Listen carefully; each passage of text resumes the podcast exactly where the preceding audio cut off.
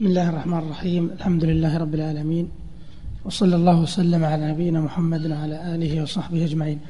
أما بعد فالسلام الله عليكم ورحمته وبركاته.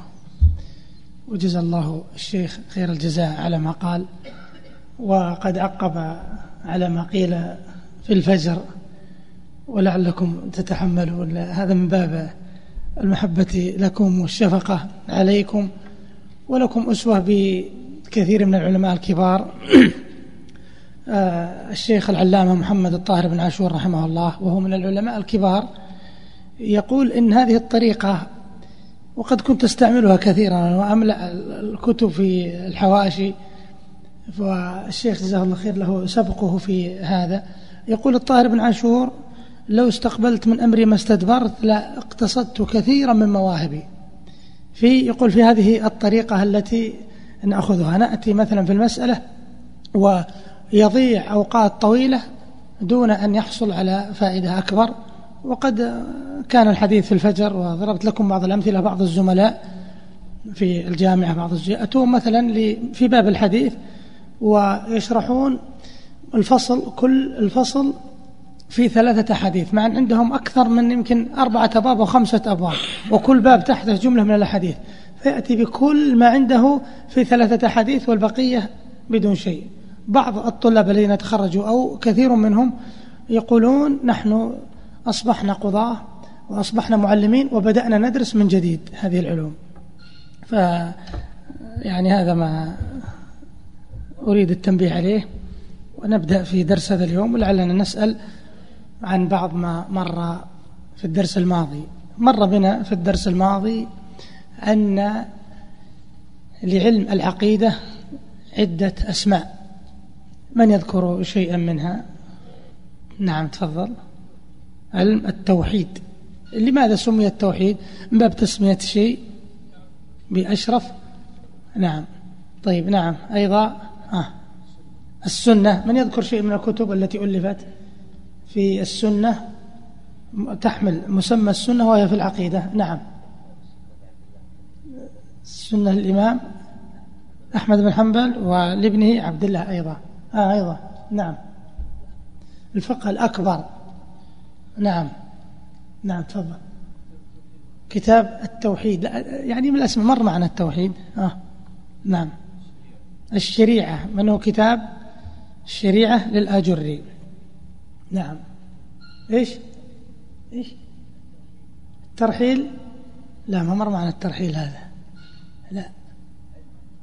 لا. ما, ما نسمع علم العقيدة. نعم. أصول الدين أيضا. طيب. مر بنا أيضا شيء من أسماء أهل السنة والجماعة. ها يسمون بإيش؟ نعم. نعم تفضل. فرقة الناجية أيضا. أهل الجماعة. أهل الحديث. السلف وأتباع السلف والطائفة المنصورة. طيب. نبدأ اليوم وصلنا إلى صفة المجيء. نعم تفضل. بسم الله الرحمن الرحيم. الحمد لله رب العالمين والصلاة والسلام على أشرف خلق الله أجمعين. نبينا محمد عليه وعلى آله وصحبه أفضل الصلاة وأتم التسليم. أما بعد فقال المؤلف رحمنا الله وإياه وقوله هل ينظرون إلا أن يأتيهم الله في ظلل من الغمام والملائكة وقضي الأمر. وقوله هل ينظرون إلا أن تأتيهم الملائكة أو يأتي ربك أو يأتي بعض آيات ربك؟ يوم يأتي بعض آيات ربك. كلا إذا دكت الأرض دكا دكا وجاء ربك والملك صفا صفا. ويوم تشقق السماء بالغمام ونزل الملائكة تنزيلا. نعم في هذه الآيات ذكر صفة من الصفات الثابتة, الثابتة لله تبارك وتعالى وهي صفة المجيء والإتيان لفصل القضاء بين العباد. فهذه الآيات تفيد إثبات المجيء والإتيان لله يوم القيامة بذاته على الوجه اللائق به سبحانه وتعالى. فالإتيان والمجيء معناهما قريب من بعض وهنا يقول الله عز وجل هل ينظرون يعني هل ينتظرون؟ فالنظر إذا قيل نظرت فلانا تعدى الفعل بنفسه. نظرته يعني بمعنى انتظرته. كما يقول امرؤ القيس خيلي يمرا على أم جندب لنقضي لبانات الفؤاد المعذب فإنكما إن تنظراني ساعة من الدهر تنفعني لدى أم جندب. يعني فإنكما إن تنظراني إن تنتظراني. لكن إذا عدي بإلى نظرت إليه هذا يكون بمعنى الرؤية. البصري نظرت إليه لكن نظرته بمعنى انتظرته يعني هل ينتظرون إلا أن يأتيهم الله؟ والإتيان من الصفات الثابتة لله. من أي نوع الصفات؟ الفعلية أو الذاتية؟ الفعلية التي تتعلق بمشيئته. طيب من الصفات الخبرية النقلية السمعية أو من الصفات العقلية؟ نعم. الخبرية التي تعرف عن طريق النص إذا قيل الخبرية أو السمعية معناهما أو النقلية المعنى واحد هي التي تثبت عن طريق النص. وقد حكى عثمان بن سعيد الدارمي رحمه الله اتفاق الكلمة من المسلمين على أن الله عز وجل ينزل ويجيء لفصل القضاء بين العباد. وأما تحريف هذا المعنى إلى معنى آخر فإن ذلك مخالف لظاهر النصوص ومخالف لإجماع السلف لأن بعضهم يقول يؤولها بمجيء أو إتيان أمره والمجيء كما يذكر العلماء المضاف إلى الله عز وجل يأتي مطلقا ويأتي مقيدا. إذا كان المراد مجيء رحمته أو عذابه قيد بذلك. كما في الحديث حتى جاء الله بالرحمة والخير. ولقد جئناهم بكتاب فصلناه على علم بل أتيناهم بذكرهم فأتى الله بنيانهم من القواعد.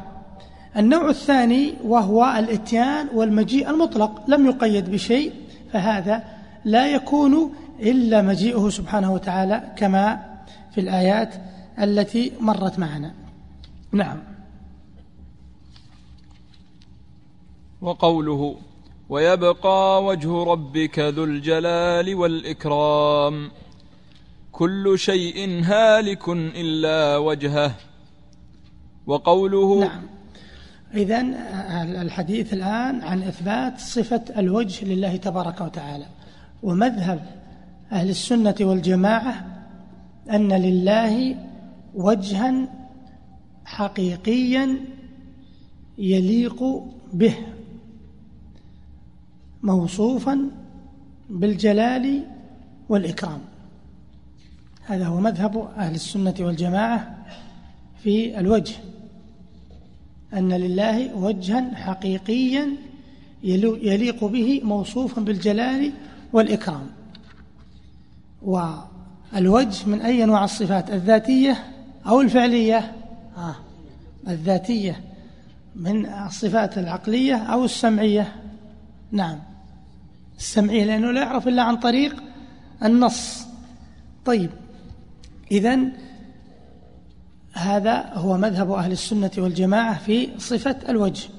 هناك من يقول إن المراد بالوجه الثواب وبعضهم يقول الملك وبعضهم يقول نعم. آه وبعضهم كذلك يقول الوجه المراد به الذات. وكل هذا من التحريف. إذا كان المقصود بالوجه الذات إذا إذا قلنا أعوذ بالله من الشيطان أعوذ بالله العظيم وبوجهه الكريم كأنك تقول أعوذ بالله وأعوذ بالله وهذا تكرار. وكذلك من قال الملك يكون الكلام كل شيء هالك إلا وجهه كل شيء من ملكه. إذا يكون كل شيء هالك إلا كل شيء. واضح؟ إذا هذا لا يليق بكلام الله عز وجل وأيضا لأن خلاف طريقة السلف. وكذلك منهم من آه، فسره بالثواب وهذا خلاف الظاهر. والوجه أضيف إلى الله من باب إضافة الصفة إلى الموصوف. ليس كإضافة المخلوق إلى الخالق. مثل ناقة الله من إضافة المخلوق إلى الخالق. بيت الله من إضافة المخلوق إلى الخالق. لكن وجهه كل شيء هالك إلا وجهه هذا من إضافة الصفة إلى الموصوف. أيضا هذا الوجه وصف بأي شيء؟ وصف بصفات وصف بالجلال والإكرام وبأن له نورا يستعاذ به وأنه يرى أن سبحات وجهه تحرق ما انتهى إليه بصره من خلقه. إذا كلها تدل على أي شيء؟ على أن الوجه حقيقي ولا يجوز أن يفسر بالثواب أو أن يفسر بالملك أو أن يفسر بالذات أيضا. نعم. وقوله ما منعك أن تسجد لما خلقت بيدي وقالت اليهود يد الله مغلولة. غلت أيديهم ولعنوا بما قالوا بل يداه مبسوطتان ينفق كيف يشاء. نعم. هذا المقطع وهذه الأدلة فيها إثبات اليدين لله تبارك وتعالى. ومذهب أهل السنة والجماعة أن لله تعالى يدين حقيقيتين. مبسوطتين بالعطاء والنعم. وهما من صفاته آه الذاتية السمعية. نعم. اللائقة به تبارك وتعالى. وقوله لا لحظة شوي. وتأويل اليدين بالنعمة هذا تحريف للكلمة عن مواضعه. اليد تطلق على النعمة في لغة العرب كما يقول المتنبي وكم لسواد الليل عندك من يد تخبر أن المانوية تكذب. المانوية هم المجوس الذين يقولون بإلهين إله الخير وإله الشر.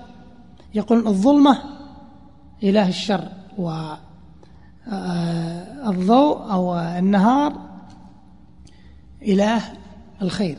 فهو يقول وكم لسواد الليل عندك من يد حتى الليل فيه نعم لك تخبر أن المنوية تكذب. وكما يقول الآخر له أياد علي سابغة يعني نعم أعد منها ولا أعددها. لكن في هذا السياق لا يجوز أن تفسر اليد بالنعمة لأنها إيش؟ أضيفت إلى الله. لما خلقت بيدي. ونعم الله هل لله عز وجل نعمتان؟ وإن تعدوا نعمة الله لا تحصوها. هل يصح أن نقول لما خلقت بنعمتي؟ لا. طيب آه وكما هو في النصوص ما منعك أن تسجد لما خلقت بيدي فهما يدان اثنتان. ولو كانت أكثر لقال يديه لما خلقت بيدي. بيديه لما خلق بيديه. وقالت اليهود يد الله. ثم قال الله عز وجل وقالت اليهود يد الله مغلولة غلت أيديهم ولعنوا بما قالوا بل يداه ما قال أيديه. لأن المقام مقام تمدح لنفسه. فلما ذكر اثنتين دل على أنهما ليس أكثر من اثنتين. ثم إن العدد إذا أفرد أو جمع يفيد ما ثبت للموصوف. مثلا ولله المثل الأعلى لو أن أحدا قد مد يديه ولم ندري ما من هو نقول هذه يد من؟ هل يلزم أنه ليس له إلا يد واحدة؟ لا.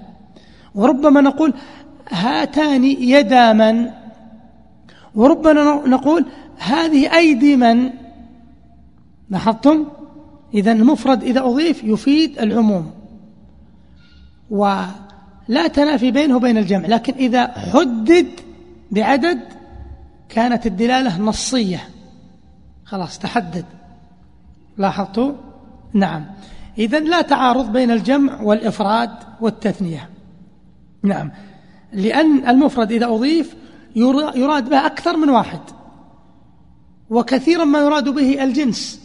والجمع وش يفيد يفيد التعظيم.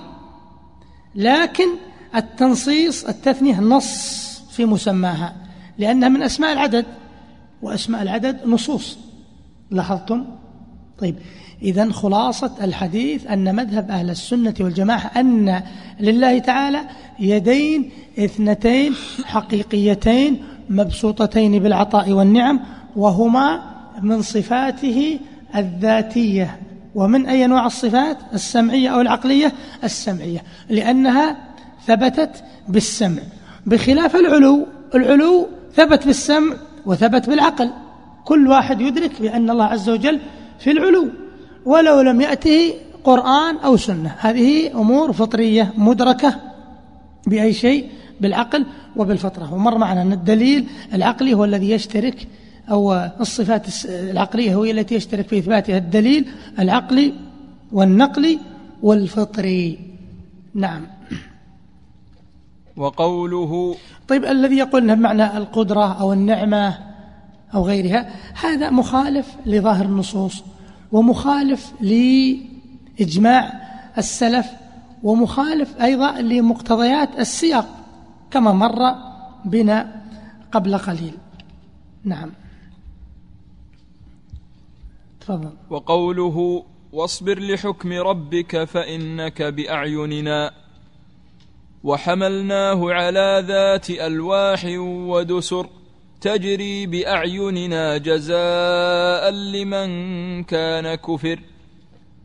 وألقيت عليك محبة مني ولتصنع على عيني. هذا المقطع فيه إثبات العينين لله تبارك وتعالى. مذهب أهل السنة والجماعة أن لله تبارك وتعالى عينين اثنتين ينظر بهما حقيقة على الوجه اللائق به تبارك وتعالى. وهما من الصفات الذاتية الثابتة لله بالكتاب والسنة. وأيضا هما من الصفات السمعية أو العقلية من الصفات السمعية. نعم. يقول الله عز وجل واصبر لحكم ربك فإنك بأعيننا. ويقول تجري بأعيننا. ولا يمكن لأحد يفهم العربية أن يقول إن السفينة تجري في عين الله عز وجل. لأن الباء للمصاحبة يعني بمرأ منا. ولأن السفينة في الأرض والله عز وجل مستو على عرشه. الله تبارك وتعالى في السماء. هذا معروف في كلام العرب كما يمثلون تقول خيالك في عيني وذكرك في فمي ومثواك في قلبي فأين تغيب؟ هل, أن هل هو في عينك؟ لا هذا يفهم هذا هو المتبادر للذهن. وكما يقول آخر ومن عجب أني أحن إليهم وأسأل عنهم من لقيت وهم معي وتطلبهم عيني وهم في سوادها ويشتاقهم قلبي وهم بين أضلعي. هل هذا يفهم من السياق؟ أنهم بين أضلعه أو أنهم بعينه؟ لا. إذا تجري بأعيننا الباء هنا تفيد المصاحبة وهنا قال بأعيننا. بصيغة إيش؟ الجمع. وفي الآية الأخرى قال ولتصنع على عيني. إذا خلاصة الحديث أن لله عينين اثنتين حقيقيتين ينظر بهما على الوجه اللائق به تبارك وتعالى. هنا في الحديث في الآية ورد صيغة الإفراد ولتصنع على عيني. هذا من؟ بحق موسى عليه السلام. انظروا إلى الرعاية والحفظ والكلأة وفي الآية الأخرى قال فإنك بأعيننا. هل ورد التثنية مثل اليدين؟ لا. طيب من أي شيء عرفنا التثنية؟ نعم. ورد في السنة كما سيأتينا. ولهذا الآيات هذه تفيدنا كثيرا. عند أنما نتطرق للنصوص من السنة لن نطيل فيها لأن التقرير مر قبل ذلك. نعم. كيف علمنا أن لله عينين؟ كما قال زميلكم لأنه ورد في السنة أحاديث تدل على ذلك. ومنها حديث الدجال إن ربكم ليس بأعور. كما قال النبي صلى الله عليه وسلم. أخبر أن الدجال أعور وقال إن ربكم ليس بأعور. والحديث متفق عليه. نعم. يقول علماء اللغة العور ذهاب حسن إحدى العينين. فهذا يدل على أن الله ليس بأعور على أن له عينين اثنتين. لأن العور فقد أحد العينين وضده سلامة العينين. وكما قال بعض العلماء يقول إن الله ليس بأعور من جهة أن العور عرفا عدم العين. وضد العور ثبوت العين. نعم. فلما نزعت كما يقول ابن المنير هذه النقيضة لزم ثبوت الكمال بضدها وهو وجود العين. ومن هنا ندرك أن لله عز وجل عينين حقيقيتين. بعض المؤولين والمحرفين قالوا العين بمعنى العلم أو الرؤية وهذا غير صحيح للأدلة التي مرت معنا ولأن النصوص تمنع ذلك. النصوص تمنع أن تكون العين بمعنى العلم أو بمعنى الرؤية. كما في الحديث الذي مر معنا في إثبات صفة الوجه آه، عن سبحات وجهه لأحرقت ما انتهى إليه بصره من خلقه. ولا يقال هذا في شأن العين ولا يقال في شأن العلم. لا يقال ذلك في شأن العلم أو في بشأن الرؤية. هذا من التفسير باللازم. نعم. تفضل. وقوله قد سمع الله قول التي تجادلك في زوجها وتشتكي إلى الله والله يسمع تحاوركما. إن الله هذه سميع. أحد الأخوان مر بالأمس السؤال مر تقريرا في الدرس بأن الأسماء بأن الصفات تشتق أو تؤخذ من الأسماء وليس العكس لأن الاسم مر معنا الصفة تؤخذ من الفعل ومن التصريح بها وتؤخذ من الاسم. إذا كل اسم يتضمن صفة وليس العكس. ليست كل صفة تتضمن اسم لأن من صفات الله عز وجل مثلا آه، يشاء. ربك يخلق ما يشاء ويختار. هل نقول من اسماء الله الشائي أو المختار؟ لا. لكن قلنا الرحيم نفيد منه صفة الرحمة وهكذا طيب نعم تفضل. قد سمع الله قول التي تجادلك في زوجها وتشتكي إلى الله والله يسمع تحاوركما. إن الله سميع بصير. نعم هذه الآيات إلى قوله تعالى فسير الله عملكم ورسوله والمؤمنون هذه فيها إثبات السمع والبصر لله تعالى. وقد مر معنا في الدرس الماضي إثبات السمع والبصر. وقد أورد الشيخ رحمه الله آيات تدل على إثبات السمع والبصر. فلماذا كررها؟ ربما لأنه كتبها كما يقول بعد العصر وربما أنه أراد التأكيد على هذا المعنى وربما أنه أراد أن يبين دلالة أخرى لأنه بين إثبات اسم الرحيم وإثبات اسم السميع والبصير وإثبات صفة السمع والبصر من خلال الاسم. الآية التي مرت معنا إن الله نعم ما يعظكم به إن الله كان سميعا بصيرا. والآية التي قبلها ليس كمثله شيء وهو السميع البصير. هذا يكفي. لكن هنا ساق أدلة أخرى لأن مر معنا كثيرا أن الصفة تؤخذ من الاسم وتؤخذ من التصريح بها وتؤخذ من الفعل. هنا نوع في الدلالة أراد التنويع في الإثبات. انظروا الآية الأولى يقول قد سمع الله قول التي تجادلك في زوجها. قد سمع. هنا الصفة أخذت من أي شيء هنا؟ من الفعل. ما نوع الفعل؟ ماضي قد سمع الله. ثم قال والله يسمع. آه. فعل مضارع هذا تنويع. قال إن الله سميع بصير. من أي شيء؟ من الاسم.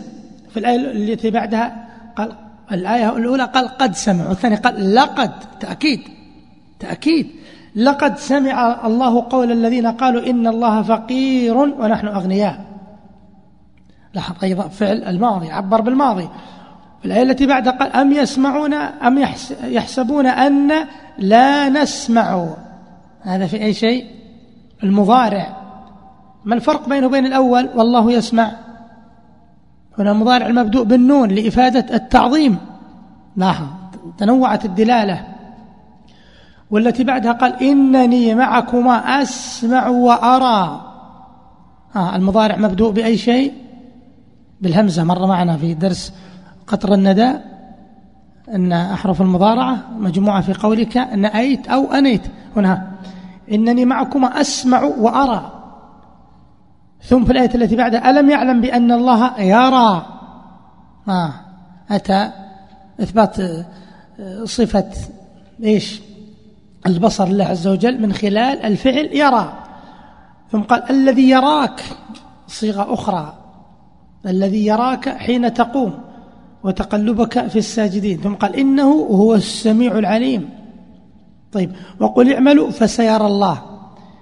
إذا ماذا أراد المؤلف؟ إما أنه أراد التأكيد أو أراد التنويع في إثبات صفة السمع والبصر حتى لا يشك صحيح الفهم أن هذا الخطاب نص صريح لا يحتمل التأويل.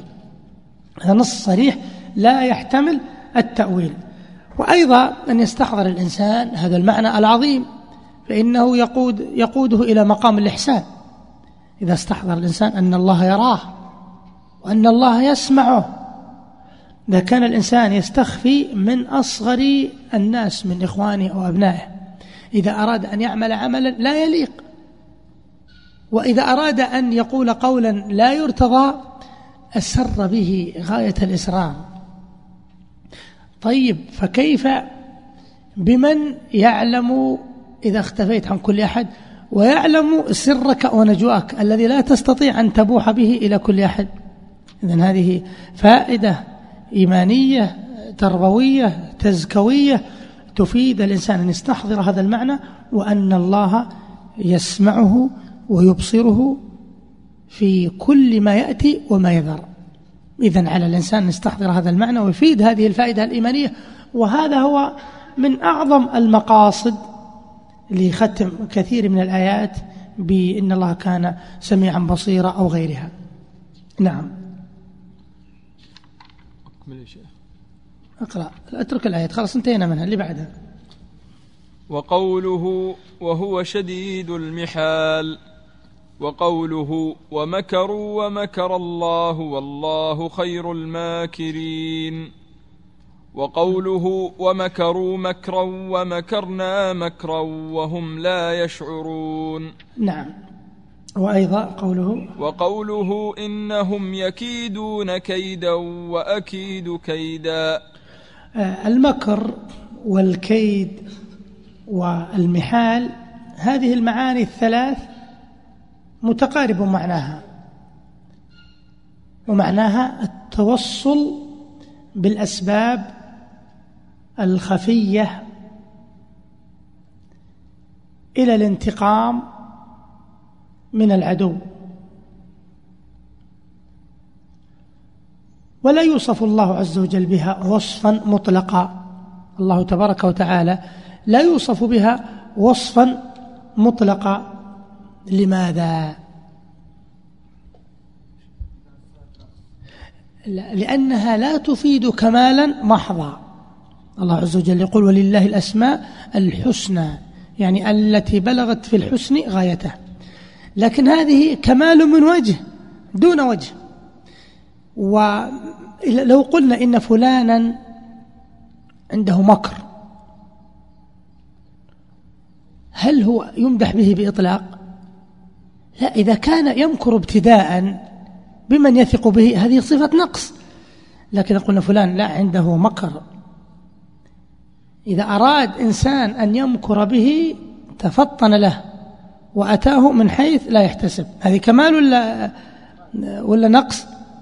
إذن المكر والكيد والمحال هذه المعاني لا يوصف الله عز وجل بها وصفا مطلقا ولهذا لا يسمى الله عز وجل لا يقال من أسمائه الكائد ولا يقال من أسمائه الماكر لا إنما يوصف بها بتقييد يمكر بمن يريد أن يمكر ومكروا مكرا ومكرنا مكرا إنهم يكيدون كيدا وأكيد كيدا. إذا هذه يوصف الله عز وجل بها من وجه دون وجه. وبعض السلف قال مكر الله بعباده هو استدراجهم بالنعم من حيث لا يعلمون. فكلما أحدثوا ذنبا أحدث لهم نعمة. وفي الحديث الذي رواه أحمد وحسن إسناده العراقي رحمه الله يقول النبي صلى الله عليه وسلم إذا رأيت الله يعطي العبد من الدنيا وهو مقيم على معصيته فإنما هو استدراج. إذا هذه الآيات فيها إثبات صفة المكر والكيد والمحال لله تبارك وتعالى. ويوصف الله بها على الوجه الذي يليق به على وجه الكمال لا على وجه النقص. ولهذا المكر والكيد هذا ليس كمالا محضا ولهذا لا يسمى الله به. وإنما يخبر به عنه ويوصف به. نعم تفضل. وقوله إن تبدوا خيرا أو تخفوه أو تعفوا عن سوء فإن الله كان عفوا قديرا. وليعفوا وليصفحوا ألا تحبون أن يغفر الله لكم والله غفور رحيم. وقوله ولله العزة ولرسوله وقوله وقوله عن إبليس فبعزتك لأغوينهم أجمعين. نعم. في هذه الآيات في هذا المقطع إثبات صفة العفو والمغفرة والرحمة والعزة والقدرة لله تبارك وتعالى على الوجه الذي يليق به. وهذه من أي نوع الصفات؟ العفو والمغفرة والرحمة والقدرة. ها. من الصفات إيش؟ الفعلية التي تتعلق بأي شيء؟ بمشيئة الله تبارك وتعالى. وقد يقال إنها ذاتية باعتبار أصلها وفعلية باعتبار أحدها نعم. إذا وصف الله بالعفو والمغفرة والرحمة والعزة. العفو هذه المعاني أيضا قريب بعضها من بعض لأن العفو هو التجاوز عن السيئات. والمغفرة هي التجاوز عن الذنوب مع سترها. والرحمة كذلك والعزة تطلق على معاني. العزة تتضمن القوة. يقال عز يعز بالفتح عز يعز بالفتح إذا اشتد وقوي. ومنه الأرض العزاز. هذا معنى من معاني العزة عز يعز بفتح العين. نعم. وأيضا يقال عز يعز بالضم. شكون معناه؟ عز يعز. نعم. معناه قهر وغلب. كما تقول الخنساء كأن لم يكونوا حما يختشى إذ الناس إذ ذاك من عز بزا وأيضا يقول جرير يصف جمله يعز على الطريق بمنكبيه كما ابترك, ابترك الخليع على القداح. ويقال عز يعز آه يعني إذا امتنع عمن يرومه. عز يعز عز يعز عز يعز. الأخير يعني معنى إذا امتنع عمن يرومه. وكل هذه الصفات وهذه المعاني ثابتة لله تبارك وتعالى. فله القوة وله الغلبة والقهر وله الامتناع عمن يرومه. طيب إذا هذه هذا المقطع يسير الحمد لله. هذا فيه إثبات صفة العفو والقدرة والمغفرة والرحمة والعزة وهي صفات كمال تليق بالله عز وجل. لا كعزة المخلوق فالمخلوق له عزة والخالق له عزة. لا, ليست العزة كالعزة وليست الرحمة كالرحمة وليس العفو كالعفو وليست المغفرة كالمغفرة مع أن المخلوق يوصف بهذه الصفات. ولاحظوا يقول الله عز وجل ولله العزة ولرسوله وهنا فيه حصر تقديم ما حقه التأخير. أين المبتدأ؟ المبتدأ العزة. أخر لإفادة الحصر. يعني العزة ليست إلا لله ولرسوله وللمؤمنين. إذن العزة لا تلتمس إلا من الله ولا تكون إلا لمن آمن بالله أيبتغون عندهم العزة؟ فإن العزة لله جميعا. نعم. وقوله تبارك اسم ربك ذي الجلال والإكرام.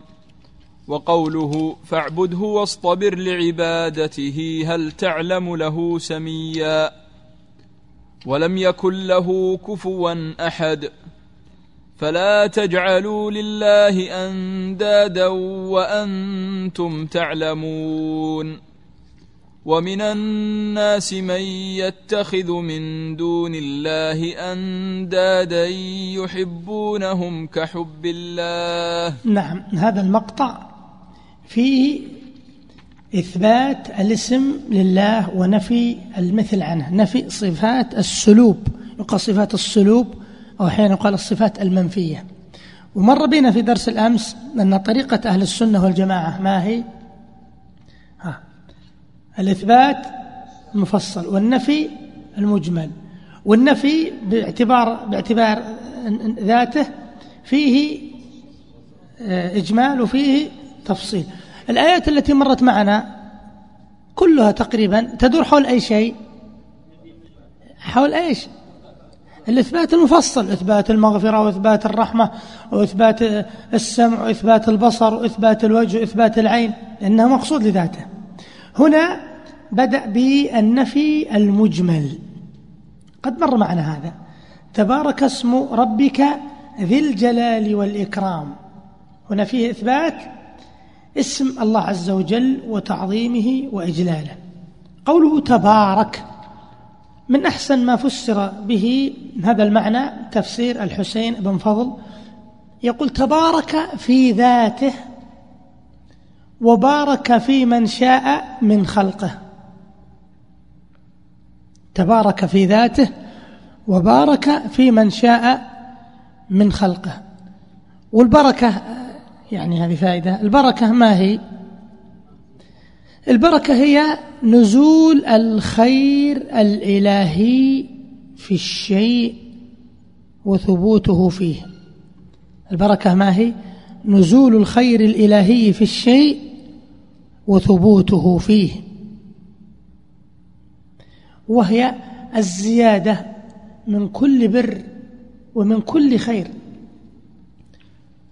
والمبارك من بارك الله فيه. يقول الله عز وجل عن عيسى عليه السلام وجعلني مباركا أينما كنت ومما فسر به المبارك هو الذي ينفع غيره ويعين غيره على نفعه. لاحظتم؟ المبارك مما قيل فيه هو الذي ينفع غيره والذي يعين غيره على نفعه. إذا تبين لنا غير المبارك من هو؟ ها؟ ما نقول الذي لا ينفع غيره. لا الذي لا ينفع قد لا يلام.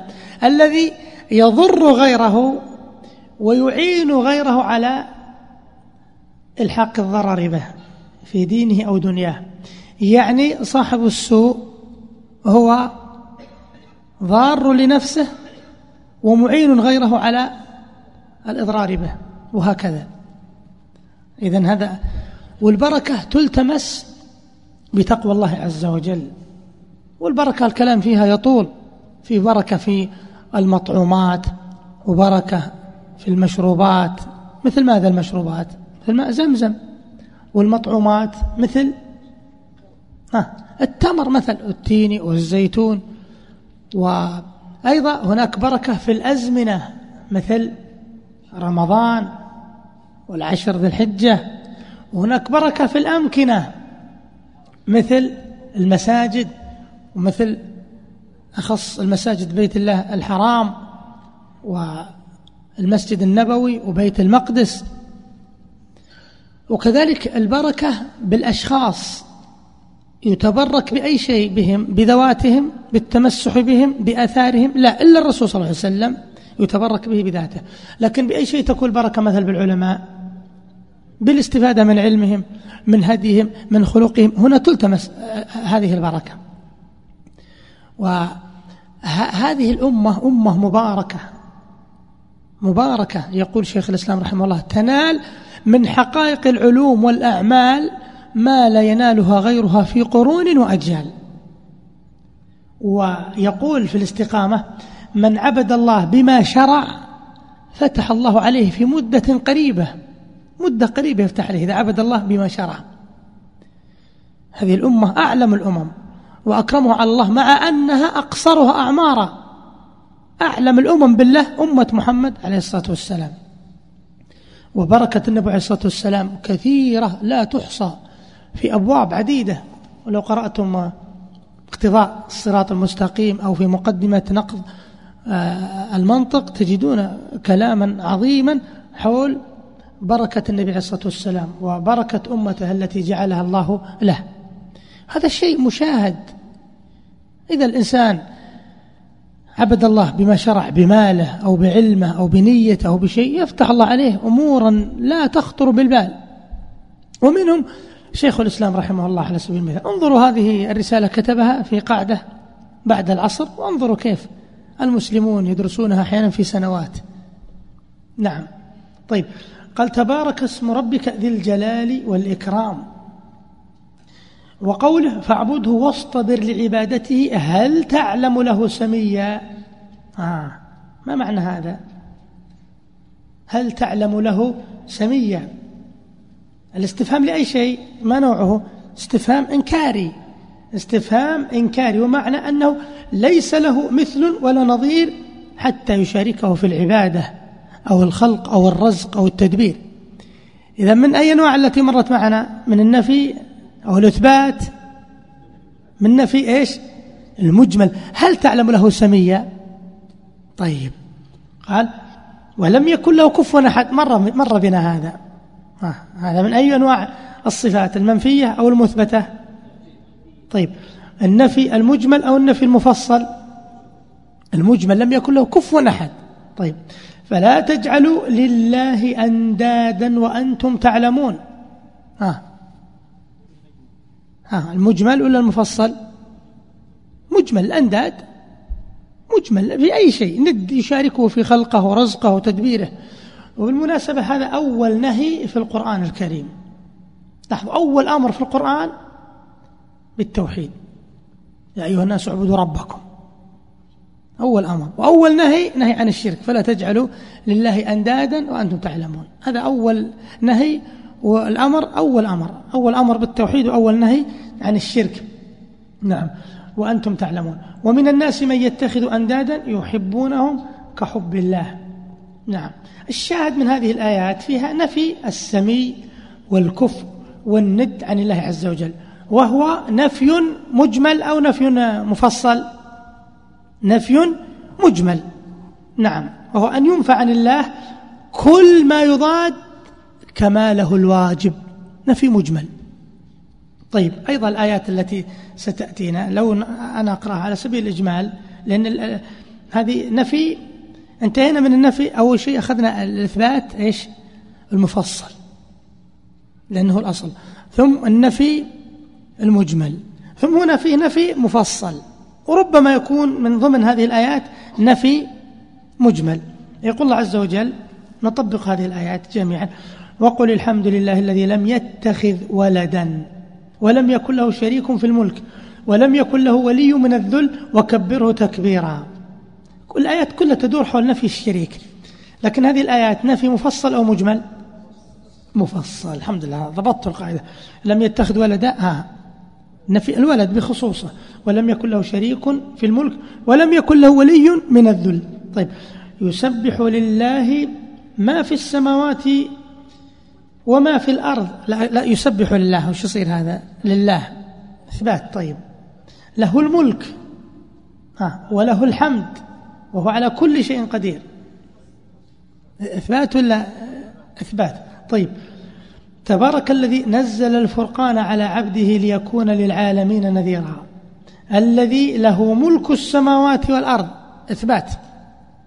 ولم يتخذ ولدا نفي. نوعه مفصل. ولم يكن له شريك في الملك. مفصل. وخلق كل شيء فقدره تقديرا. هذا شنو؟ وخلق كل شيء. إثبات. إثبات. طيب. ما اتخذ الله من ولد؟ هذا إيش؟ نفي مفصل. وما كان معه من إله؟ نفي نعم طيب. إذا لذهب كل إله بما خلق ولعلى بعضهم على بعض. سبحان الله عما يصفون. عالم الغيب والشهادة. آه.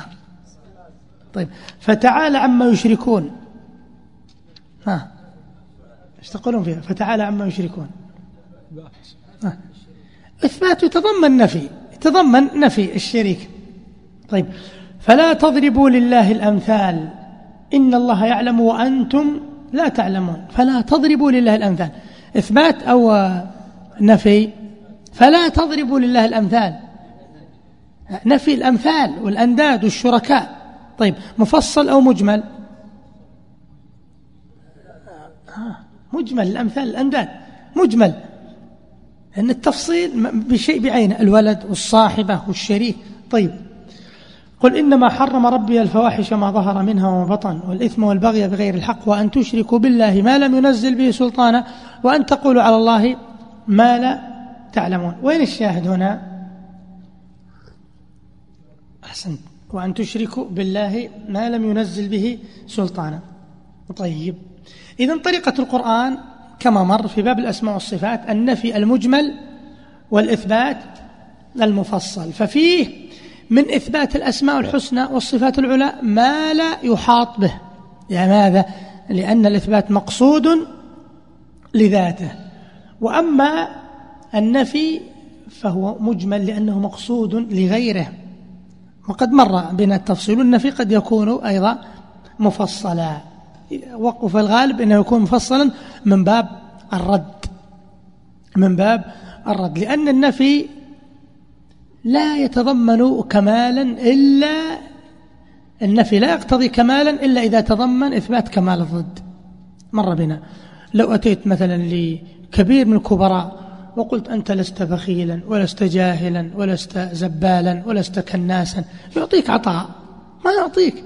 ربما يعطيك عطاء من نوع آخر بالعصا. أن هذا ليس مدحا. ولهذا جرير لما مدح عبد الملك قال في البداية وجرير يعني نفسه لكن عبد الملك نقاده أراد أن يرشده إلى ما يقول. قال ألستم؟ قال أتصحو أم فؤادك غير صاحي؟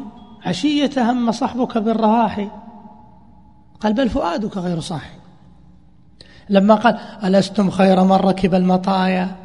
وأندى العالمين بطون راحي بطون راحاتكم ندية من العطاء ليست يابسة. أعطاه قال من أراد أن يمدحنا؟ فليمدحنا بمثل هذا. وأعطاه مئة ناقة. هذا بعض الناس إذا أراد أن يمدح يسبي الممدوح. بل لما مات ابن بقية ورثاه بن الأنباري صلب هذا الرجل بعد أن قتل. قال علو في الحياة وفي الممات. قال الذي قتل يا ليتني صلبت ومدحت مثل هذا. فانظر بس البداية. وبعض الناس لا ما يعرف إذا أراد أن يرثي أو يمدح يفسد. كما قال أحدهم هذه نروح عنكم شوي فيها أراد أن ينعى أحد الملوك. مات. خليفة. فأراد أن ينعاه قال مات الخليفة أيها الثقلان تعجب الناس قالوا نعاه للجن والإنس بشطر بيت. إذا ماذا سيقول بالباقي؟ يا ليته سكت. قال فكأنني أفطرت في رمضان فأفسد هذا المعنى بالكلية. مات الخليفة أيها الثقلان ها وش تقول؟ قال فكأنني أفطرت في رمضان والآخر أراد أن يمدح الممدوح لكن ما يعرف. الله عز وجل أرشدنا كيف نثني عليه. يقول فرشني يعني أعطني بسيب لا أكونا ومدحتي. كناحتي يوما صخرة بعسيلي إيش معنى هالكلام؟ العسيل هو ريشة المكحلة. تصوروا لو واحد أتى بريشة المكحلة وأخذ يحك بها صخرة إلى يوم القيامة ما تفتت منها شيء. انظروا هذا الجافي. يقول فرشني بسيف لا أكون ومدحتي لا تجعلني ومدحتي وقصيدتي كرجل ينحت الصخرة بالعسيل الظاهر نكافأة بمئة جلدة هذا. نعم. إذا يعني هذا معنى الإثبات المفصل والنفي المجمل. ينتقل رحمه الله أيضا إلى نوع من أنواع الصفات وهو الاستواء وهو من الصفات العظيمة.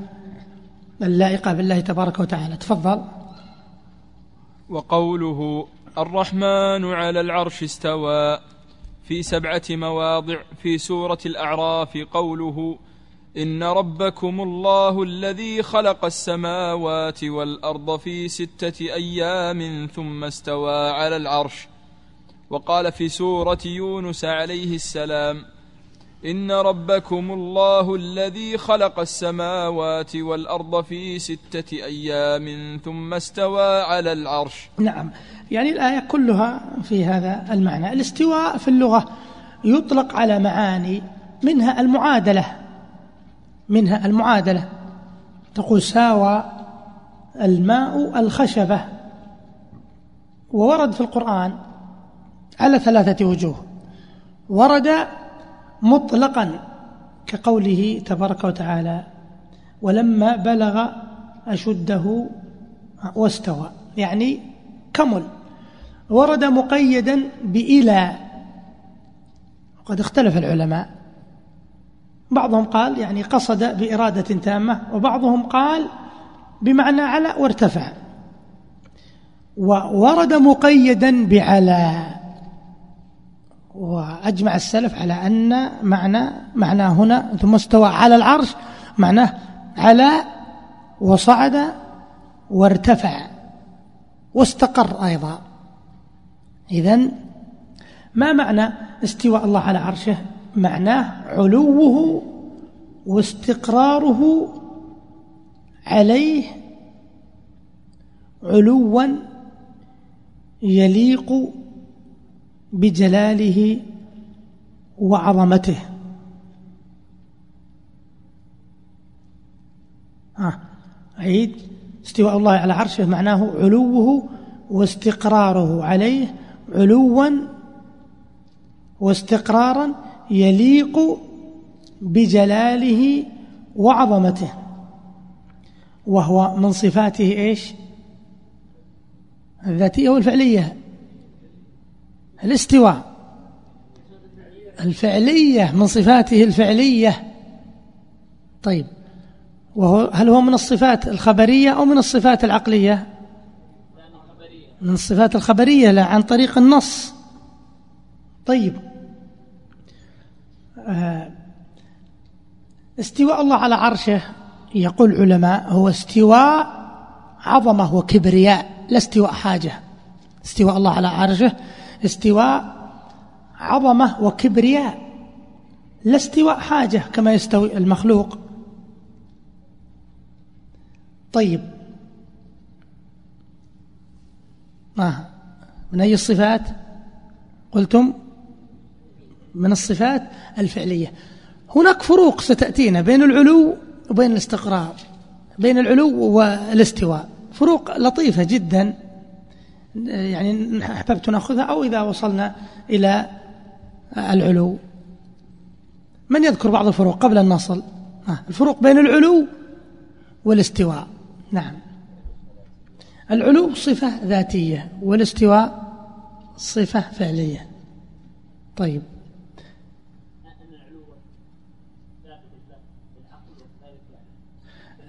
العلو قلنا؟ صفة العلو صفة عقلية والاستواء صفة آه من أنواع الصفات إيش؟ الخبرية. طيب أيهم يدل على الآخر؟ الاستواء يدل على العلو. آه. هل العلو يدل على الاستواء؟ لا لكن الاستواء يدل على العلو. طيب إذا هذا يعني خلاصة الحديث. الاستواء الحديث فيه يطول ولو أطلنا لربما استغرق الدرس وانتهى في درس العلو. لكن هذا هو مذهب أهل السنة والجماعة هو المذهب الحق في استواء الله عز وجل على عرشه. في كل هذه الآيات المعنى واحد والحمد لله. طيب العلو نعم.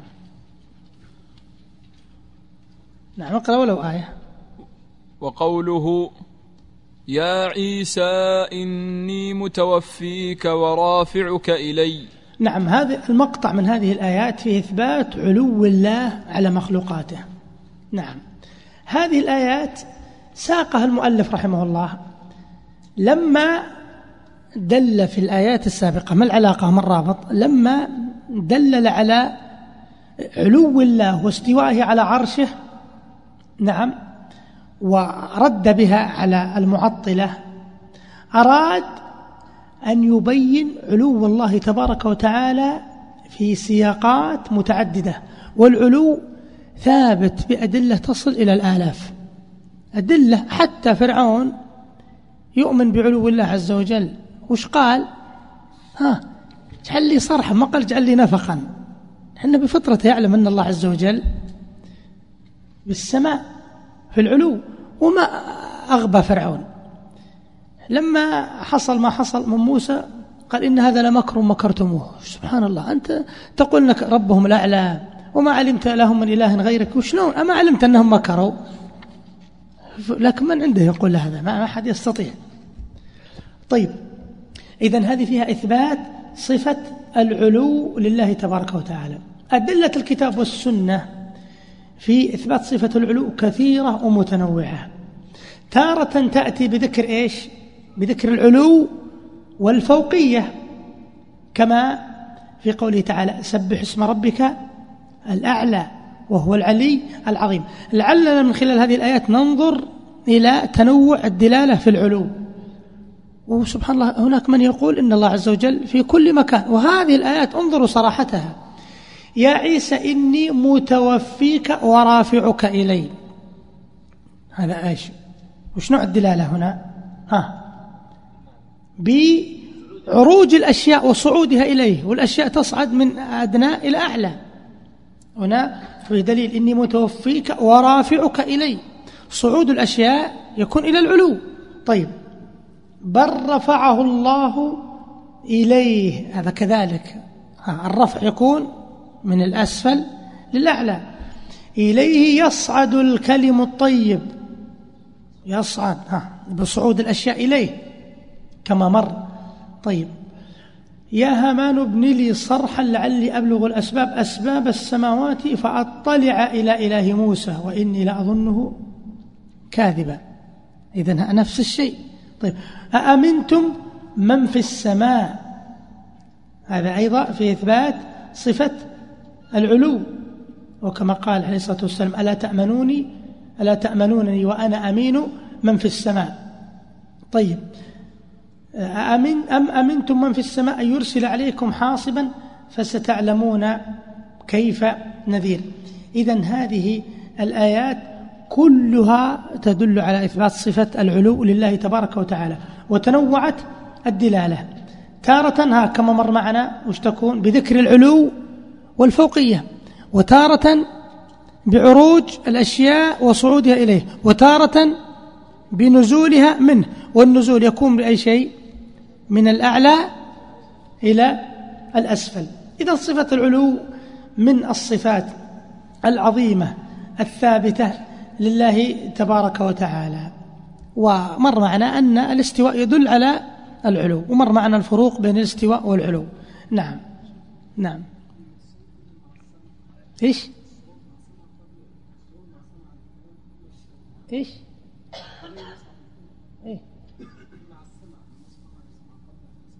نعم لكن ترفع الأعمال رفع الأعمال. إليه يصعد الكلم الطيب والعمل الصالح يرفعه يعني قيل يرفع العمل الصالح اللي هو الكلم الطيب. طيب المعية لعلنا نأخذ المعية ونقف. نعم تفضل. وقوله هو الذي خلق السماوات والأرض في ستة أيام ثم استوى على العرش. لا لا يعني المعية انتهينا من الاستواء. هذه انتهينا من الآيات واضحة. أي هي المعية هذه آية المعية. والذي نعم نعم تفضل. ثم في ستة أيام ثم استوى على العرش يعلم ما يلج في الأرض وما يخرج منها وما ينزل من السماء وما يعرج فيها وهو معكم أينما كنتم. والله بما تعملون بصير.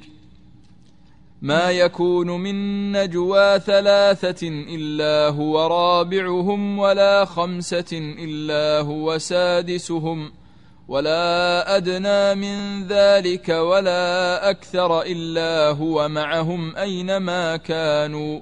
ثم ينبئهم بما عملوا يوم القيامة. إن الله بكل شيء عليم. نعم. آه، في هذه الآيات وفي غيرها من نصوص القرآن والسنة أثبت الله عز وجل لنفسه في كتابه وعلى لسان رسوله صلى الله عليه وسلم أنه مع خلقه. والأدلة كما في الآيات والنصوص. وقد أجمع السلف على ذلك أن الله عز وجل مع خلقه. لكن نأخذ معنى المعية. طيب المعية في اللغة هي مطلق المقارنة والمصاحبة. المعية في اللغة هي مطلق المقارنة والمصاحبة. لكن مقتضاها ولازمها يختلف باختلاف الإضافة. يختلف باختلاف الإضافة.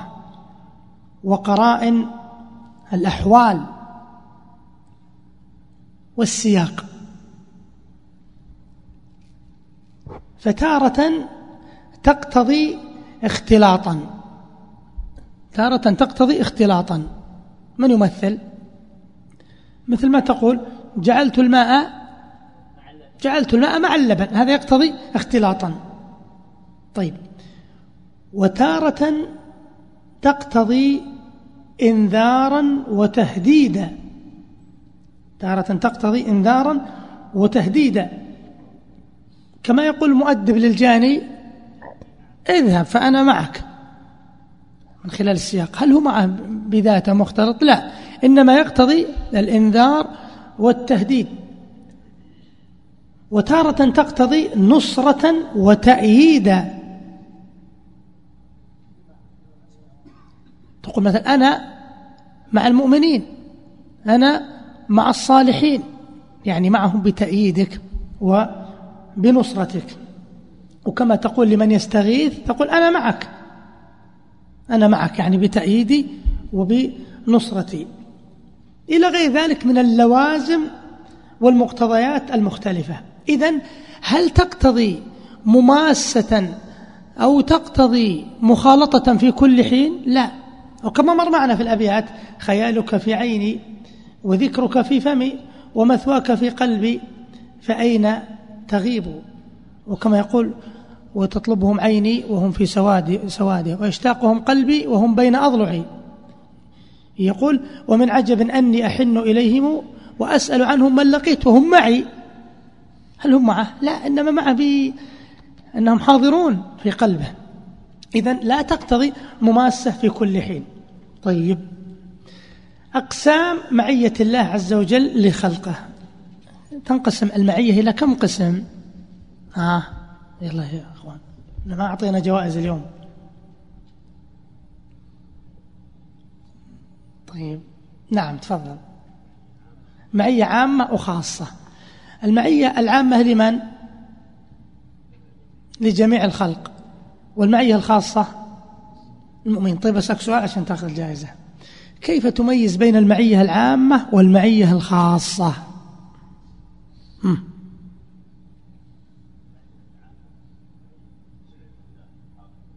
لا لكن كيف تميز بينهما؟ كيف تعرف أن هذه خاصة وهذه عامة؟ نعم.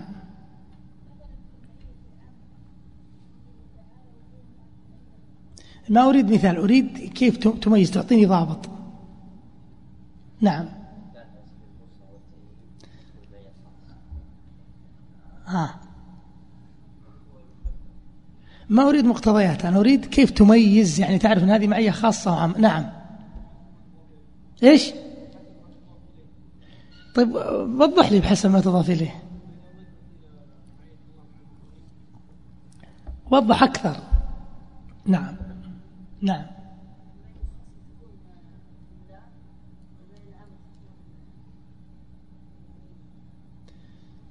لا, لا أريد يعني توضيح أكثر نعم. إيش؟ هي في السياق إحنا كلامنا عن السياق الآن. نعم. طيب إذا الآن يتضح لكم أكثر. المعية العامة عشان نطبق عليه الأمثلة التي مرت بنا. العامة وش تقتضي؟ قلنا لكم يا أخوان تقتضي الإحاطة وتقتضي الهيمنة والتدبير والعلم والقهر إلى غير ذلك من مقتضيات إيش؟ اللي يقول الكلمة ذي له جائزة. إلى غير ذلك من مقتضيات إيش؟ واحد. ها؟ لا عدلها أحسن شوية. انسب الرب وش تقول؟ خلاص تضيع الجائزة ترى إذا جاوب أكثر من واحد. ها. مقتضيات؟ ها. مقتضيات. الربوبية ليس مقتضى الألوهية. الهيمنة والقهر والاطلاع والعلم. إذا المعية العامة وش تقتضي؟ تقتضي الإحاطة بالخلق والهيمنة عليهم ورؤيتهم والعلم بهم وقهرهم. طيب. إذا هذه تكون لمن؟ تكون للبر والفاجر والمؤمن والكافر. فالله عز وجل معهم بعلمه وبإحاطته وبقهره. إذا هذه تسمى معية عامة. طيب هذه المعية وش توجب لمن آمن بها؟ توجب له إيش؟ كمال المراقبة. توجب له كمال المراقبة. إذا هذه المعية العامة لجميع الناس. طيب والمعية الخاصة لمن؟ للمؤمنين. المعية الخاصة للمؤمنين. وش تقتضي؟ تقتضي النصرة مع الأمور الأخرى. تقتضي النصرة والتأييد والكلأة والرعاية والتسديد. طيب. آه كيف نعرفها؟ عيدة إذا كيف تميزها؟ ما هي المعية الخاصة؟ هي ما اقترنت بوصف أو شخص. المعية العامة هذه مطلقة لكن الخاصة ما اقترنت بوصف أو شخص بعينه. بوصف كالإيمان بشخص كموسى مثلا أو النبي صلى الله عليه وسلم. لا تحزن إن الله معنا.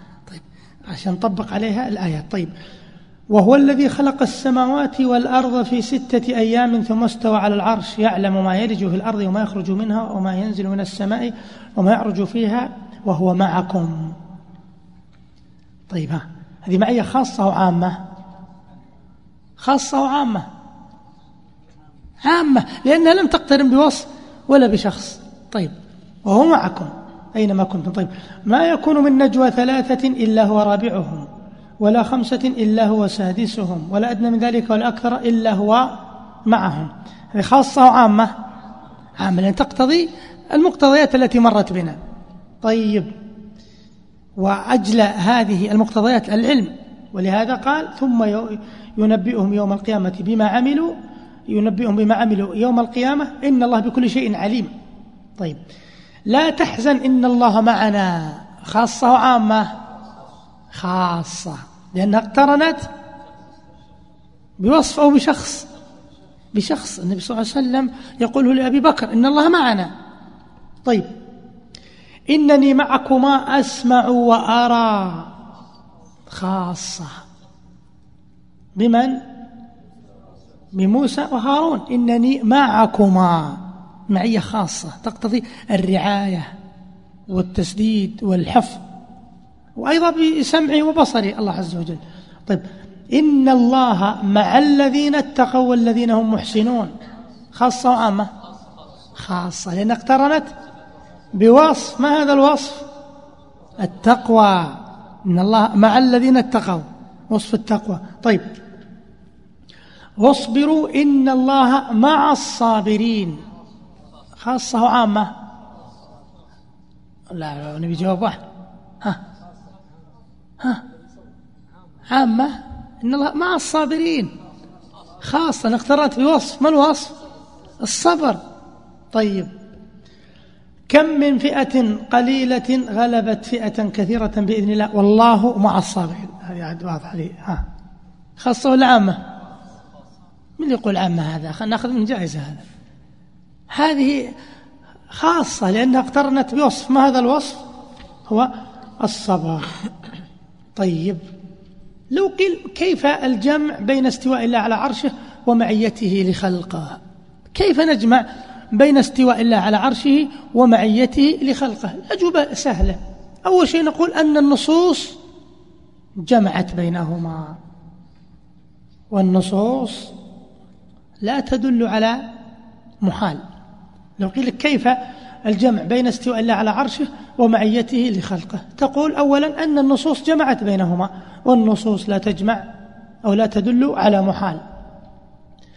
طيب أيضا مما يقال أنه لا منافاة بين العلو والمعية.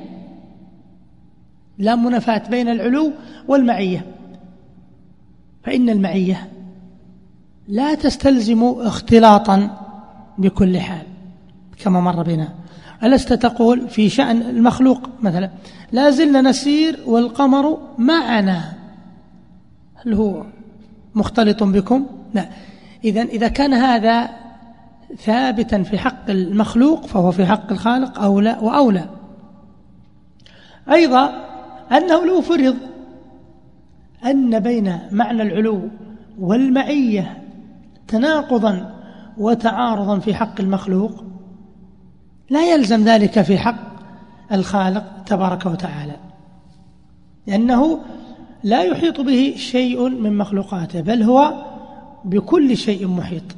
يعني هذا مما يزيل هذا التعارض الذي قد يحدث في الذهن. طيب يا أخوان اليوم مشينا الحمد لله سرنا يعني نكون انتهينا أكثر من الثلث. من ثلث الكتاب. والأدلة من السنة سيريحنا هذا التقرير إذا وصلنا إليها نمر بها مرور الكرام. ويبقى عندنا بقية مسائل الإيمان ومرتكب الكبيرة وغيرها والصحابة. ولعلنا إن شاء الله ننتهي خلال الدروس القريبة. طيب. جيب على الأسئلة. كنا وقفنا عند إيش صفة الكلام. طيب النساء يطالبن بتشغيل جهاز المكيف هذه شكوى أنقلها. يقول ما المقصود بسم الله الأعظم؟ اختلف فيه ولعل في إخفائه حكمة كما أخفيت ليلة القدر. قيل اسم الله الأعظم هو الله وقيل الحي القيوم. فإخفاؤه في حكمة وهو أن يدعو الله عز وجل بكل أسمائه. ليلة القدر لو علمناها لربما تكاسلنا وفاتنا خير عظيم. لكن في إخفائها حكمة. يقول حكم تحية المسجد لمن أراد الدخول آه، آه، للدرس يصليها. نعم. آه، بعض الأسئلة ربما تريدنا نعيد الدرس. يقول ما المقصود بالدعاء عني ولا تعن علي وامكر لي ولا تمكر لي علي؟ يعني دعاء أن يكون الله عز وجل معه أن يعينه على طاعته حتى يكون الله عز وجل معه. آه، ما الحكم إذا طلبت من شخص صالح الدعاء لي وأنا في الابتلاء؟ لا بأس. من أنواع التوسل المشروعة. آه، التوسل بدعاء رجل صالح بدعاء لكن الأولى أن يدعو الإنسان لنفسه. يقول ما المقصود بالتقدير العمري والسنوي والأسبوعي واليومي؟ هذا في باب القدر سيأتينا إن شاء الله. الأسبوعي هذه من من كيس السائل هذه. المقصود بالتقدير العمري هناك التقدير العام للمخلوقات والتقدير آه، العمري تقدير الإنسان. عمرة كما دل عليه حديث ابن مسعود حديث الصادق المصدوق والتقدير السنوي تقدير المخلوقات تقدير ما يكون في هذه السنة في ليلة القدر. فيها يفرق كل أمر حكيم. إن أنزله في ليلة القدر يعني يكتب فيها ما سيكون في هذه السنة.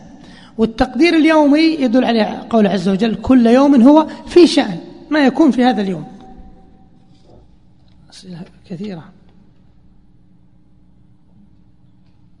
هل قول آه، يسمع منك قول الله قول الله يسمع منك تشكيك في إثبات صفة السمع؟ لا. لا ما فيها شيء ما فيها تشكيك. أن السمع قد يكون يعني المقصود به سمع إجابة مثل سمع الله لمن حمده. وقد يكون يعني له معاني عديدة السمع. يقول أثناء الدرس تكون الإجابة عليها عشوائية مما يثير الفوضى في الدرس ومن تعود هذا. فنرجو تنبيه الطلاب على ذلك فكثير منهم لم يحضر دروسا من قبل ومتعود على أسلوب المدارس. يعني ليست بتلك العشوائية لكن ربما أحيانا يكون السؤال يراد به الإجابة العامة أحيانا التنبيه. ما الفرق بين السنة والنوم؟ السنة مقدمات النوم. والنوم هو الاستغراق. نعم. يقول كيف لا يفسر الذات بالوجه هو صفة ذاتية؟ لا الوجه غير الذات. زائد على الذات. يقول بارك الله فيك لكن تزودنا بدليل أن الله حينين اثنتين مر معنا دليل الدجال وأيضا حديث إذا قام العبد قام بين عيني الرحمن. آه، سبق استشهاد إن الله ليس بعور والمعلوم أن عيون الخلق اثنتين والعور ذهاب نصفها. فقياس العدد بنفس العور يلزم منه التشبيه. لا ما يلزم. أجل لو أثبتنا العين يلزم التشبيه ما يلزم. آه نعم. فلا تجعل الله أندادا أول نهي من حيث النزول أو الأولوية من حيث ترتيب الصور القرآنية. يعني في سورة البقرة أول سورة الفاتحة ثم البقرة أول نهي في سورة البقرة وأول أمر في سورة البقرة. هل الاستواء صفة فعلية؟ لازمة لا تنفك عنه لا الاستواء صفة فعلية صفة فعلية وليس صفة ذاتية. آه، هل تجوز الإشارة إذا أين الله في السماء؟ نعم تقول في السماء. يقول أم تقول في العلو؟ من معاني آه، السماء العلو. نعم. آه، هل المعية في الآيات عامة كقولنا سرت والقمر معنا فنقول الله معنا حقيقة ومستن على عرشه؟ نقول معنا وليس معناه أنه يكون معنا في ذاته إنما معنا بالمقتضيات التي مرت معنا لأن المعية لا تقتضي آه، محاذاة ولا تقتضي مماسة. هل نثبت له صفة القدم؟ سيأتينا هذه لماذا نستعجل؟ صفة القدم والساق ستأتينا إن شاء الله. ولقد أراني للرماح رديئة من عن يميني تارة وأمامي. أنا ما أدري من اللي أجبت عنه واللي ما أجبت عنه. نعم. آه. يقول من الصفات العقلية اللفظة توهم أنه قد يعرف شيء من صفات الله بالعقل؟ استقلالا. نعم بعض الأشياء تعرف بالعقل. بعض الأشياء تعرف مثل العلم. والعلو والقدرة هذه تعلم بالعقل والعقل له مدخل في تقرير الصفات له مدخل لكن ليس هو كل شيء ليس هو الحاكم. يقول هل يجوز أن نروي حديث صلى الله عليه وسلم بشكله أم بمضمونه؟ هذه يعني كلام فيها يطول لكن القول الصحيح أنه يروى بمعناه يجوز أن يروى الحديث بمعناه. نعم. يقول وحملناه على ذات ألواح ودسر ما مناسبة الآية صفة العينين؟ الآية اللي بعدها تجري بأعيننا. السفينة تجري بأعيننا. أنا أود من الأخوان أن ينتبهوا للدرس وللآيات حتى تكون الأسئلة مركزة أكثر. هل معنى اجعلني مباركا أينما كنت؟ اجعلني آمر معروف عن المنكر أينما كنت؟ هذا من معانيها. المبارك هو الذي ينفع غيره. ولا ريب أن الآمر المعروف عن المنكر أنه ينفع غيره وينقذ أمتها أيضا. يقول هل الذي ذكره مؤلف هذه الآيات جميع صفات التي وردت في الكتاب والسنة أم أتى بها للتمثيل؟ لا ليست جميع الآيات إنما أتى على مجملها وهذه العقيدة هي مجمل اعتقاد السلف. يقول بعضهم يسمي ابنه عبد المقصود فهل هذا من الأسماء لا ليس من الله عز وجل يخبر بأنه يقصد لكن حسب علمي أنه لا يثبت اسم المقصود. ما معنى المكر والكيد والمحال؟ هذه مرت بنا يا أخوان. أود أن ينتبه الأخوان. لأن لو أجبنا عن كل سؤال لازم أن نعيد الدرس. وقد يمل الإنسان والنفوس موكلة بمعاداة المعاداة يقول أول أمر اقرأ بسم هذا قلنا لكم في حسب ضبط حسب ترتيب الآيات. فقد أشكل علي. آه، هل يسمع عذاب القبر؟ الأصل أنه لا يسمع لكن قد يري الله عز وجل عباده أو يسمعهم شيئا من عذاب القبر. وقد ذكر ابن القيم ذلك في كتابه الروح.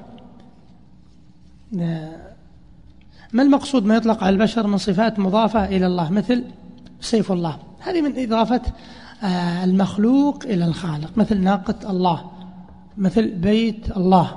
فرق بينها وبين يد الله. يد الله من, من إضافة الصفة إلى الموصوف وهذه من إضافة المخلوق إلى الخالق.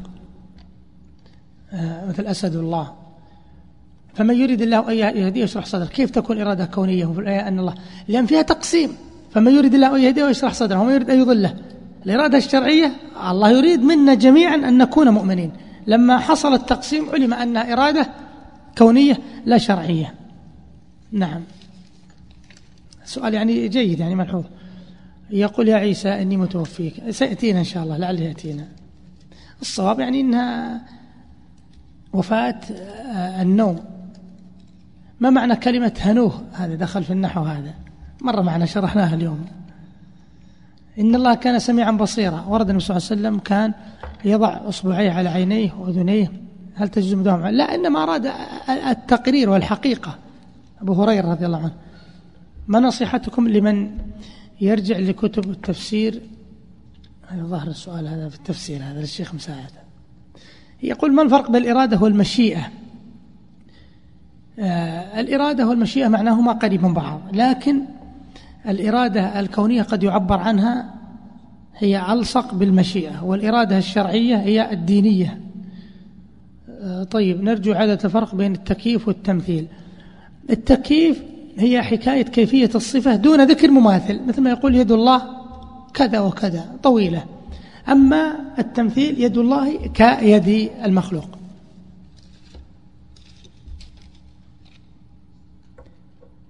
يقول الرجال لا أن هناك تحضير بعد الدرس في آخر المسجد. تحضير هنا؟ نعم في تحضير توقيع. جيد.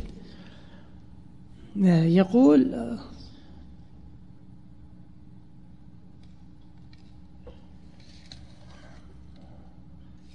يقول قال أبو بكر ما أمنت مكر الله. كيف يكون المكر هنا؟ المكر مر معنا بالاستدراج بالنعم. الإنسان ربما يرى صحة بدنه ويرى أنه لم يعاقب. يقول ابن الجوزي وغفلته عما عوقب به عقوبة. يجد صحة. يقول والله أنا ولي من الأولياء ما تأتيني أمراض والأموال تأتي وفلان يمرض وفلان. فيغتر. هذا من الأمن من مكر الله عز وجل. يقول هل البركة تنتزع؟ بينما في التعريف الثبوت تنتزع. ما فهمت السؤال هذا. ما صحت؟ ما أفهمها والله. بعض الأسئلة ما أستطيع قراءتها. يقول يأخذ الجبار الأراضين بيديه. لو فصلنا طالب المقام يعني من الأدلة على الأثبات صفة اليد الأصابع والحثيات وغيرها. طيب هل ممكن إعادة البيتين في النحو؟ أي البيتين في النحو؟ يمكن مر معنا الصبح. آه، لو تأخذوا الأسئلة عشان ما نعيدها. يقوى السماء والسماء بنيناها بأيد أرجو أن تستنبط. معنى بأيد. معنى بأيد هنا بقوة. لأنها ما أضيفت ما قال بأيدينا بأيد من آدى يعيد ذهود ذا الأيدي يعني ذا القوة ذا الأيد. نعم. يقول شخص دخل المغرب قبل آه، المسجد قبل أذان المغرب وقت نهيل يصلي؟ يصلي تحية المسجد. إذا كان الوقت قرب من الأذان لو يتأنى لأن هذا وقت يعني كراهة شديدة. يقول كيف نجمع بين هذا وبين قول ابن عباس بأيد أي بقوة؟ هذا معنى الأيد لم تضف إلى الله عز وجل. ما قال بأيدينا أو بيدي. نعم. وبعض العلماء قد يفسر باللازم. إذا كان من أهل السنة ما يقال أنه مؤول. لكن إذا قال المعنى بقوة ليس كما يقول بعضهم إن اليد هي اليد الحقيقية. هنا إذا قال كذا عرفنا أنه مؤول. لكن أحيانا قد يفسر بعض العلماء باللازم التوسل من أبواب الفقه ومن أبواب العقيدة. من أبواب العلوم مترابطة عموما لكن هو أقرب للدعاء والدعاء أقرب للعقيدة. وقد أيضا يدخل من الدعاء في الفقه يرد مثل الدعاء بالصلاة أو الدعاء بالحج يدخل منها من هذا الباب. يقول إن الله كتب عمر الإنسان في بطن أمه. كيف يقول؟